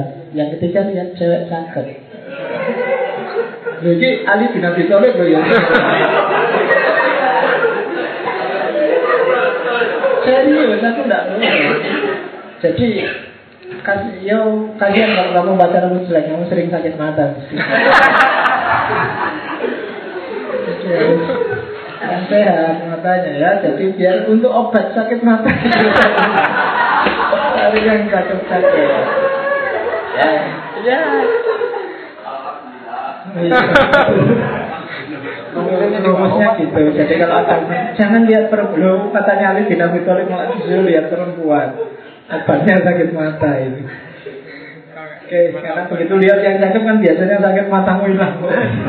Langsung bening. Oke. Jadi boomingnya materialisme adalah era scientific revolution dan pengaruh revolusi sains adalah munculnya budaya eksperimen dan observasi. Itu yang melahirkan peradaban ilmiah. Jadi alam dipaksa membuka rahasianya. Jadi kalau selama ini orang pasrah saja, begitu orang punya paradigma seperti ini, enggak, enggak percaya aku. Masa hidup kita dikuasai sungai, dikuasai pohon, dikuasai gunung-gunung. Kita tidak berdaya sampai melempar tumpeng ke tengah laut. Ayo belajar ilmunya laut Biar kita tidak celaka di laut. Nah, Itu kan alam dipaksa disuruh membuka rahasianya. Itu karena ada tradisi eksperimen dan observasi. Itu di antara jasanya materialisme. Kalau kamu masih berpikir supernaturalisme Biasanya yuk Gimana biar kita caranya kalau melaut aman Ya berdoa saja pada Allah ya. Tapi tidak, kalau bagaimana Tidak ya diukur ini Hari apa, bulan apa Tinggi ombak seberapa, gelombangnya apa Perahu kita konsumsinya harus kayak apa Itu kan paradigma materialistik Yang mengarahkan ke situ dari situlah kemudian orang-orang materialisme terus masuk terus sampai menyimpulkan bahwa sebenarnya tidak ada peristiwa yang disebut gaib itu. Setiap peristiwa pasti dia punya kausalitasnya, punya sebab akibat konkret konkretnya. Yang kalau dilihat serius, mungkin kamu tahu bahwa oh yang selama ini tak anggap goib itu ternyata ya bukan goib. Itu bisa dijelaskan secara ilmiah. Loh kok kuburannya Gus Dur ambles? Oh, kamu nafsir neko-neko kan? Tinggal dibaca secara ilmiah, coba dilihat konstruksi tanahnya. Atau jangan-jangan memang nggak kuat jamaahnya terlalu banyak. Sebenarnya masuk akal. Ya kan? Kemarin bangunnya seperti apa? Ukurannya berapa? Kelembapan tanahnya Hujan berapa hari? Jamaahnya ngapain aja di situ? Jangan-jangan Itu kan bisa. Tapi kan kamu kesusu mesti yang Aneh-aneh yang kamu pikir. Begitu ada Kamu lewat cecek jatuh. Plek. Hmm, Jatuhan cecek ini. Alamat ini. Alamat yang mesti gitu. Ya cecek jatuh mungkin karena dia ngantuk apa lupa Benar ya kan? Nanti kalau ada cecek ngantuk aja kamu kok stres gara-gara kejatuhan Jadi ada kausalitasnya pasti. Bisa kok dicerahkan secara ilmiah Katanya orang materialis. Jadi jangan apa-apa ujuk-ujuk gaib Terus kamu tafsirkan secara gaib. Nanti kamu stres sendiri. Kata semua hal bisa dibuka. Kejar aja rahasianya. Alam punya logika sendiri Jangan khawatir. Nah itu pengaruh revolusi sains. Nah sekarang kita masuk ke jenis-jenisnya materialisme. Ada empat, saya nggak akan panjang lebar menjelaskannya nanti ya. Yang tak jelaskan panjang lebar minggu depan materialisme historis. Jadi materialisme mekanis ini, dia melihat bahwa alam semesta ini kalau bahasa agamanya sudah punya sunatullah, dia sudah mekanis, perputarannya itu sudah otomatis, termasuk tubuhnya manusia. Jadi segala gejala di alam, segala fenomena di alam itu bisa dijelaskan karena dia mekanik, kayak komputer itu loh. Dia tidak akan keluar dari draft yang sudah dia miliki. Dia tidak akan bisa keluar dari mesinnya sendiri. Kalau pejet shutdown mati, pasti setiap kali pejet shutdown mati. Itu materialisme mekanik. Kayak motor, kayak mobil. Itu kan mekanik. Jadi otomatis sudah sudah ada mode-modenya sendiri dan sifatnya pasti. Air 100 derajat pasti mendidih. Itu mekanik. Nggak ada kok. Air 100 derajat mendidih. Itu nggak tergantung tempatnya pak. Ya enggak di Amerika juga 100 derajat mendidih. Di Arab juga 100 derajat mendidih. Lu Amerika kan kafir pak. Nggak ada hubungannya. Ya kan? Jadi Pokoknya ada hukum alam. Dan hukum alam ini jalan sudah. Itu namanya materialisme mekanik IPA, fisika Itu membahas ini Materialisme mekanis. Ada materialisme metafisik. Materialisme metafisik ini ngomong tentang diam dan gerak. Jadi sebenarnya arahnya beda dengan materialisme mekanik. Dia sebenarnya setuju ada mekanik, cuma katanya materialisme metafisik, materi itu diam, statis. Setiap materi itu berdiri sendiri-sendiri. Tidak ada hubungannya dengan yang lain. Kalau materi itu gerak, biasanya ada pengaruh dari luar. Jadi hubungan antar materi adalah hubungan yang saling mempengaruhi. Itu materialisme metafisik. Masing-masing sendiri-sendiri diam, cuma kemudian ada pengaruh dari luar yang tadi diam mungkin jadi gerak, yang tadi gerak jadi diam. Mic ini nggak ada apa-apanya, tapi begitu mulutku terbuka, pita suaraku bergetar, maka dia mengeluarkan suara. Naiknya sendiri, suaraku sendiri, pita suaraku sendiri. Ini barang yang berdiri sendiri-sendiri sebenarnya. Kenapa aku bisa ngomong terpacu oleh kamu? Karena kamu datang ke sini terpaksa pita suaraku ku getarkan. Tapi kalau kamu nggak ada yang datang, ya ngapain aku ngomong di sini? Ada pengaruh dari luar pasti untuk yang menggerakkan. Jadi materialisme bilang bahwa dasar materi itu isinya sebenarnya diam dan gerak. Yang gerak itu terjadi karena faktor luar, kekuatan dari luar.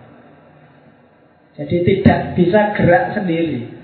Pikiran juga begitu. Ketika dia bergerak, otak bergerak, berpikir, kan dari luar. Ketika tadi tiba-tiba hormon kejantananmu terpacu, itu kan karena gerak dari luar ada yang di depan pakai bikini.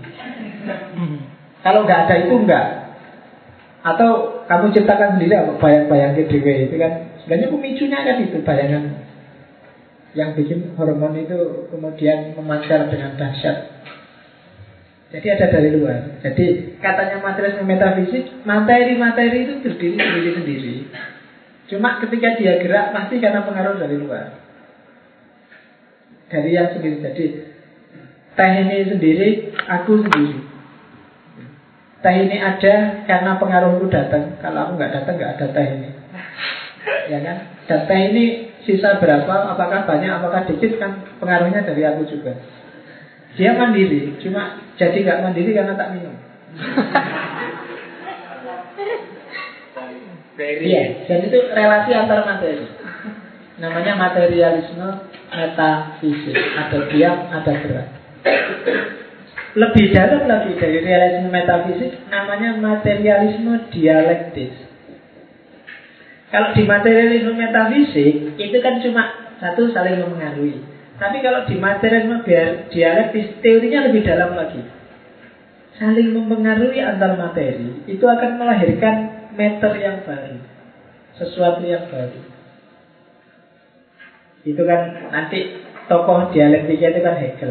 Mungkin masih ingat lah teman-teman ada tesis, ada sintesis, ada antitesis, kemudian ada sintesis. Itu kan geraknya materi sebenarnya. Ada sosialisme, ada demokrasi. Ini anaknya gimana ya? Terus ketemulah dua-duanya, dua entitas yang berbeda ketemu jadi sosialisme demokratis. Gitu. Itu sosialisme itu mungkin tesisnya diantitesisi oleh demokrasi, lahirlah sosialisme demokratis. Dan materi selalu begitu ada air, ada gula, ada teh. Nah, itu kan barangnya sendiri-sendiri. Tapi begitu, ini kan saling berlawanan, beda ini urusannya. Kita digabung jadi satu, jadilah air teh. Dan gerak selalu begini, itu yang bikin realitas itu dinamis. Kalau yang materialisme mekanis tadi kan tidak tambah apa-apa, cuma saling gerak aja. Tapi di materialisme dialektis, sebenarnya gerakan antar materi yang saling bentur tadi menghasilkan sesuatu yang baru. Ada takmir, ada aku, ketemu. Sebenarnya nggak ada urusan aku, nggak ada urusan sama Yasir, nggak ada urusan sama masjid ini. Dulunya juga begitu masjid, hubungannya apa aku tapi terus kemudian dua materi yang berbeda ini ketemu. Bisa ngisi pengajian Pak Raiso, aku mengaji Raiso. Ilmu ku filsafat. Surah apa lah Pak, ngaji tetap tapi ganti judulnya ngaji filsafat. Itu kan sintesis namanya. Gitu loh. Jadi ngaji sama filsafat kan meskipun nggak hakiki, seolah-olah dua dunia yang berbeda. Kalau ngaji itu harus Ada kiainya, dalil Qurannya banyak, kemudian pakai serban, pakai selawatan, pakai itu. Nah, sementara filsafat kan enggak. Ngaji itu agama, teologis, awalnya harus keyakinan, keimanan. Sementara filsafat ini eksploratif, awalnya harus ragu dan mengejar jawaban. Itu. Tapi ditemok ke, lahirlah sintesis baru namanya ngaji filsafat. Meskipun nggak terlalu jelas. Tapi ini namanya sintesis. Kamu selalu begitu, dalam hidup selalu begitu. Kamu maunya apa, begitu masuk kampus UIN, terus kamu berubah jadi apa? Kenapa? Kamu jadi tesisnya. UIN jadi antitesisnya. Ketika ketemu berdua, lahirlah mungkin kamu yang versi UIN sekarang, kayak dulu lagi. Itu sintesis. Kamu sama pacarmu, kamu pemarah, pacarmu penyabar. Ketemulah dua terus yang penya, yang pemarah jadi sabar, yang sabar jadi mesunan. ya kan? Ya, yang pemarah jadi sabar, masalahnya nonton pacar, ya, pacarku sabar banget, sampai enak lucu. Tapi yang sabar jadi mesunan. Oh ini jadi orang kok pemarah, mbok sabar kayak aku. Jadi akhirnya bodoh. Sintesis akhirnya. Nah, itu dialektis. Kamu paham sendiri lah nanti dialektika itu. Jadi antara tesis, sintesis, antitesis. Jadi itu persilangan antara yang satu ketemu dengan materi yang lain melahirkan sesuatu yang baru. Dan sifatnya kalau di itu disebut spiral, selalu lebih maju. Jadi teori apa ketemu teori apa melahirkan teori yang baru. Teori tentang apa? Tafsir ketemu dengan teori barat tentang hermeneutik tentang seni pemahaman manusia ketemu melahirkan hermeneutika Al-Quran. Selalu begitu. Teori ekonomi barat ketemu dengan muamalahnya Islam melahirkan ekonomi Islam. Itu sintesis. Selalu begitu. Psikologi teori barat dengan ilmu jiwanya Islam ketemu lahirlah psikologi Islam.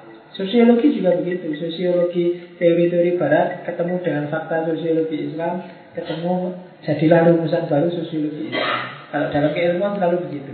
Tesis sintesis antitesis. Mungkin selama ini beda lah Pak. Barat kan sekuler, Islam kan religius. Tapi begitu ketemu ya jadilah rumusan baru. Sosiologi Islam kan sekarang banyak yang Islam Islaman itu kan. Semuanya dikasih Islam biasa. ya, Miss Wood itu kenapa kok ditolak? Gak ada Islamnya. Kan di Jakarta ada model Miss Wood tapi ada muslimah apa gitu. Salah. Hmm. Makanya kalau kamu ingin ada apa-apa kasih Islam belakangnya. Hmm. Biar Coba kamu lihat Islamic Solidarity Game. Itu kan coba kemarin melihat poli juga ya ceweknya seksi-seksi yang supporternya nggak jilbaban juga, yang renang juga biasa kayak yang lain. Tapi kan boleh itu Islamik kok. Makanya judulnya Islamic Kemarin ada yang lupa kok sama kayak nggak Islam itu karena namanya Islamic Solidarity Game. Jadi Islam yang solider. Jadi apa aja boleh. Oke. Okay. Lubang itu pemain-pemainnya yang Kristen juga banyak. Sepak bola Indonesia yang U23 ya yang nggak Islam juga banyak. Tapi kan boleh. Um, judulnya Islamik. Urusan isinya apa pokoknya Islam. Nah, itu kan materialisme dialektis. Ada dialektika antara dunia olahraga dan dunia Islam. Selama ini kan perempuan nggak boleh macam-macam kalau di dunia Islam ini. Nah, sekarang boleh olahraga. Oke, terakhir ini saya nggak akan panjang lebar karena minggu depan saya akan menjelaskan ini satu sesi full tentang materialisme historisnya Karl Marx. Ini sebenarnya materialisme dialektis cuma diterjemahkan ke dalam sejarahnya manusia. Jadi dialektika yang terjadi di tengah masyarakat. Yang punya teori dialektika itu Hegel, filosof Jerman. Sebenarnya dialektika itu sifatnya idealis, cuma dimaterialkan oleh Karl Marx untuk membaca sejarahnya manusia. Yang itu nanti melahirkan konsep sosial yang mah termasuk masterpiece-nya di Das Kapital itu. Dan ini agak panjang. Saya butuh satu sesi biar kamu paham. Karena wacana ini kan di mana-mana sering diomongkan orang. Meskipun jarang orang yang paham benar apa sih maunya kalma. Iya, jadi ya coba kita lihat. Ya meskipun setelah dijelaskan kamu boleh tetap nggak setuju, tidak apa-apa. Yang penting kan tidak setuju tapi kan sudah ngerti. Karena tidak setuju karena tidak ngerti. Karena kelemahannya orang Indonesia hari ini kan itu setuju nggak setuju tapi ya karena tidak ngerti. Pokoknya setuju gitu aja atau tidak setuju. Oke, nah perkembangannya materialisme variasi-variasi teorinya secara umum menurut saya ada tiga itu. Yang pertama positivisme yang nanti berkembang terus jadi positivisme logik. Yang kedua evolusionisme dan yang ketiga naturalisme. Positivisme itu cara berpikir kalau kamu ada orang ngomong, "Mbok, kamu jangan positivistik." Itu maksudnya cara berpikir yang hanya melihat aspek empirisnya. Jadi positivisme itu termasuk nanti positivisme logik itu yang dipercaya cuma dua. Yang kelihatan atau yang empiris yang bisa diakses oleh indera dan yang masuk akal. Di luar itu tidak diakui. Jadi yang diterima oleh positivisme cuma dua empirisisme dan rasionalisme Empirisisme itu dari Inggris, kalau rasionalisme dari Prancis. Kalau dari Jerman itu idealisme. Kalau dari Amerika itu pragmatisme. Itu namanya belajar filsafat yang kayak gini namanya filsafat kontinental. Berdasarkan kontinen. Meskipun apa nggak ada orang Amerika yang idealis ya banyak. Pada ada orang Inggris yang pragmatis ya banyak. Cuma secara kontinental ide-ide itu lahir dan besar di wilayah-wilayah itu. Jadi bagi orang positivisme, kamu ngomong apa aja, kalau ingin omonganmu berarti, bermakna, harus berawal dari realitas dan masuk akal. Berawal dari realitas yang tidak masuk akal ada imajinasi. Dan imajinasi tidak termasuk kategori positivistik. Kalau ada orang ngomong imajinatif ya berarti dia tidak ilmiah.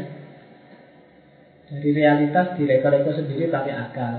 Kamu mereko-reko sendiri ngarang-ngarang dewi. Seandainya 2014 aku jadi presiden, maka yang pertama-tama itu kan nyarang, tidak mungkin ada dan itu tidak positivistik pasti, tidak ilmiah. Ramalan karangan itu tidak positivistik. Dan ini perkembangan lanjut dari materialisme. Di situ tak kasih contoh Agus Kom. Semua pasti ngerti Agus Kom. Ketika membaca bahwa dunia sosial akan berkembang dari tahap mistik ke tahap metafisik terus ke tahap positif. Tahap mistik itu kalau ada apa-apa, wah ini danyanya, wah ini yang bau rekso itu tahap mistik. Tahap metafisik itu, oh ini sudah kehendaknya Allah. Ini yang kuasa, yang menguasai alam semesta yang menghendaki seperti ini. Nah kalau tahap positif, oh ini sebabnya karena virus A, B, C itu tahap positif. Kalau Agus Kok, masyarakat berkembang seperti ini. Masyarakat paling belakang itu yang suka ngomong-ngomong, oh ini danyangnya, oh ini hari naasnya, oh di situ memang angker itu berarti kalau kamu sering bicara kayak gini berarti levelmu adalah level paling rendah dari peradaban. Katanya Agus Kok ya. Jadi kalau kamu sering bilang, hati-hati Pak, tol Jagorawi itu memang angker Pak. High levelmu berarti level masyarakat peradaban paling rendah. Katanya Guskom loh ya, karena secara sosial masyarakat primitif itu cara berpikirnya kayak gini. Hantu-hantuan, keramat-keramatan, angker-angkeran. Kalau tidak Pak, jangan kayak gitu Pak Tidak sesuai dengan Al-Quran Surat Al-Baqarah ayat 145 Nah itu level kedua Level metafisik teologis Jadi ada kekuatan besar, supernatural yang kamu percaya mengatur alam semesta. Tapi kalau jawabanmu jangan lewat situ karena di situ macet terus jalannya berkelok-kelok dekat jurang. Jadi begitu kita lepas sedikit kita akan jatuh ke jurang. Jadi ah itu berarti levelmu sudah naik. Kamu sudah di level paling atas peradaban. Level positif namanya. Perhitungan-perhitungannya rasional dan masuk akal serta empiris. Nah, ini perkembangan lanjut dari materialisme. Kemudian yang kedua evolusionisme.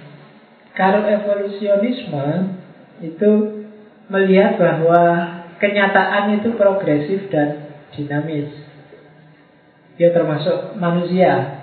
Evolusi kan awalnya Darwin. Meskipun kamu tidak setuju Darwin, tapi sebenarnya evolusionisme, cara berpikir serba evolutif ini masuk ke semua ranah pemikiran.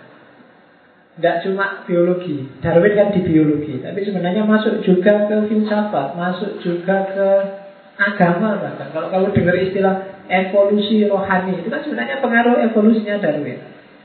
Jadi rohani itu bergradasi, berkembang. Itu kan kayak Darwin kan, manusia itu awalnya dari monyet misalnya. Kan? Meskipun kamu nggak setuju dengan Darwin, tapi diakui atau tidak, di antara semua binatang yang paling mirip dengan kamu adalah monyet. Kalau kamu masih marah-marah saya tuh Darwin, yuk beli kaca. Kamu akan paham bahwa sebenarnya kamu memang dekat dengan makhluk yang namanya monyet. Jangan dikomplain Darwin itu. Kalau Darwin ngomong manusia itu berawal dari ayam, oh, kamu boleh protes. Jauh kalau dari dengan ayam. Dengan bebek jauh, apalagi bebek. Tapi kalau dia ngomong dengan monyet, oh iya, agak mirip lah. Diakui apa enggak kan memang dekat sama monyet Tidak apa-apa kamu disebut mirip monyet Wong cuma mirip aja Daripada disebut mirip manusia. Oke. Jadi evolusionisme. Dan yang terakhir naturalisme. Naturalisme itu pandangan yang bilang bahwa kebenaran adanya di nature, adanya di sunatullah. Segala yang baik dan benar itu ya dari alam. Kalau sudah dimodifikasi, dipalsukan macam-macam sudah sudah keluar jalur. Jadi selalu natural. Di luar yang natural biasanya dia sudah meleset. Maka kalau ada apa-apa coba dicek. Jawaban paling gampang melacak ke naturnya. Misalnya Kok bisa sih kamu suka sama dia? Loh kenapa enggak? Aku cowok, dia cewek Ini natural, fitrah Tadi penjabat kayak gitu benar secara natural Karena memang ya cowok suka cewek Kalau cowok suka cowok malah enggak natural Yo penyakit itu berarti Jadi naturalisme itu basisnya yang natural Yang asli, yang alami Maka minggu lalu mungkin saya bilang bahwa di antara aliran naturalisme kalau di barat diwakili antara lain oleh romantisisme awal romantisme tokohnya Rousseau dan kawan-kawan. Makanya lukisan-lukisan dari eranya itu kan biasanya gambarnya orang telanjang. Karena bagi romantisisme kesejatian manusia tampak ketika dia telanjang. Kalau pakai baju, kalau pakai make up itu kan sudah nggak asli lagi. Gara-gara pakai baju kamu kelihatan gagah. Padahal kamu kerempeng tapi karena jaketnya kamu terus kelihatan gemuk. Palsu. Jadi justru natural. Maka kalau ada namanya romantisisme kan. Jadi kalau ada cowok kok suka gombal, tapi saya justru nggak romantis. Romantis itu yang apa adanya, jujur alami, itu romantis. Jadi kalau kamu gendut, ya dibilang aja, kamu kok gendut sih? Ah, kamu kok romantis sekali.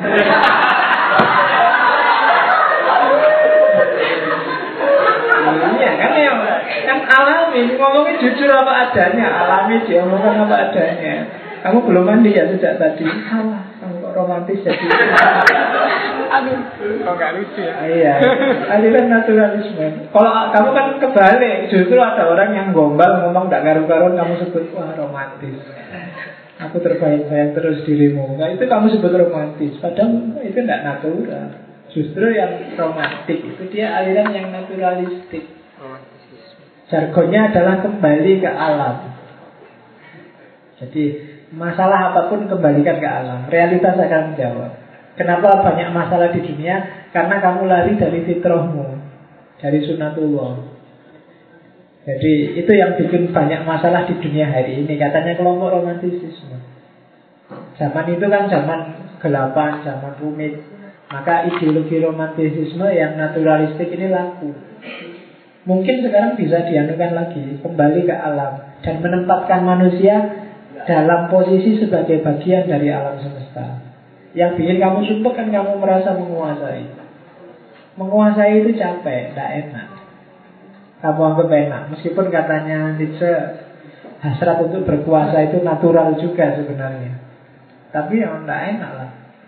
Jadi posisikan aja dirimu di sebagai bagian dari alam. Kalau orang Jawa memayu ayuning buwono. Harmonisasi biar tidak labil ekonomi dan tidak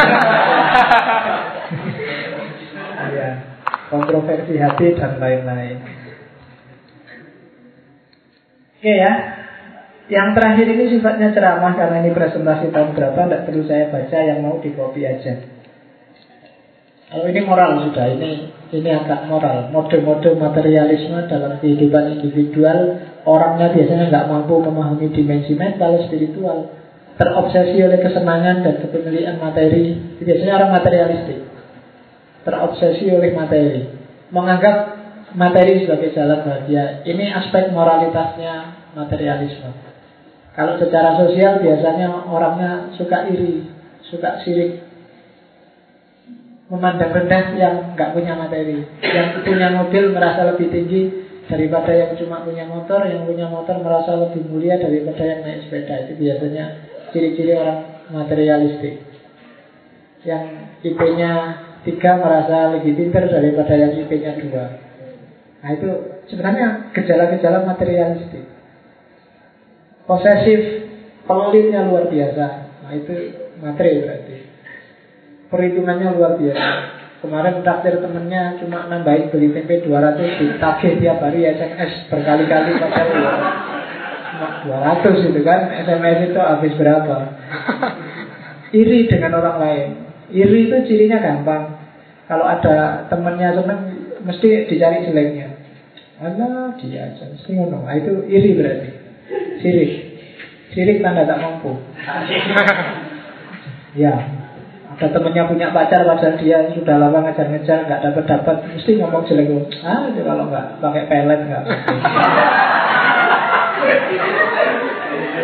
kan? Sirik itu berarti oh itu cuma dipakai main-main aja coba aja nanti kan dia diputus mesti kan. Mesti gitu mikirnya mesti gitu. Ah, itu itu ciri-ciri materialis sebenarnya. Ya posesif pelit ini soalnya pelit lah. Kalau dunia materi ini tidak merasa nyaman jika belum punya yang terbaik dan terbanyak. Merek HP dia nggak terima cuma Nokia tahun 99. Pokoknya harus update yang terbaru. Meskipun Raizo ngoperasikan pokoknya kan yang bahaya. Jadi ah, itu ciri-ciri materi biasanya. Tidak butuh. Bisa nggak muter videonya? Oh ada videonya muter ya. Nggak ngerti ya. Sudah lama tak ada adik Raiso. Eh, merek drop berarti kan. Nelfon aja bingung begitu. Oh ini ngangkat dia ya. Lama itu. Penyakit. Selalu ingin lebih. Orang materi itu biasanya nggak puas dengan satu. Makanya hati-hati kalau punya cowok materi dan cewek materi. Selalu minta lebih. Dan ya melihat apalagi kalau sudah punya suami punya istri nah itu yang gawat sudah punya istri minta lebih kan nggak enak bisa jadi perang di rumah makanya salah satu doa yang harus jangan sering-sering eh diucapkan oleh orang yang sudah punya istri itu ya, jangan sering-sering bersyukur. Karena dalam Al-Quran barang siapa bersyukur akan ditambah.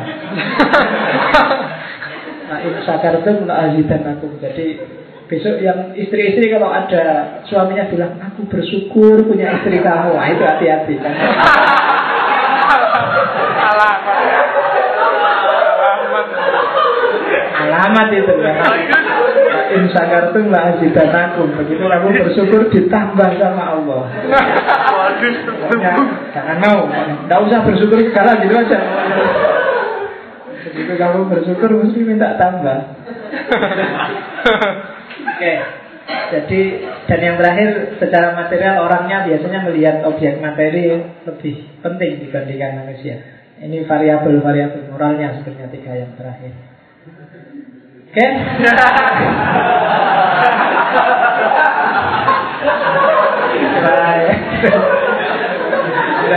Tadi kok tiba-tiba surfing kok dapat gambar itu tak pikir lucu.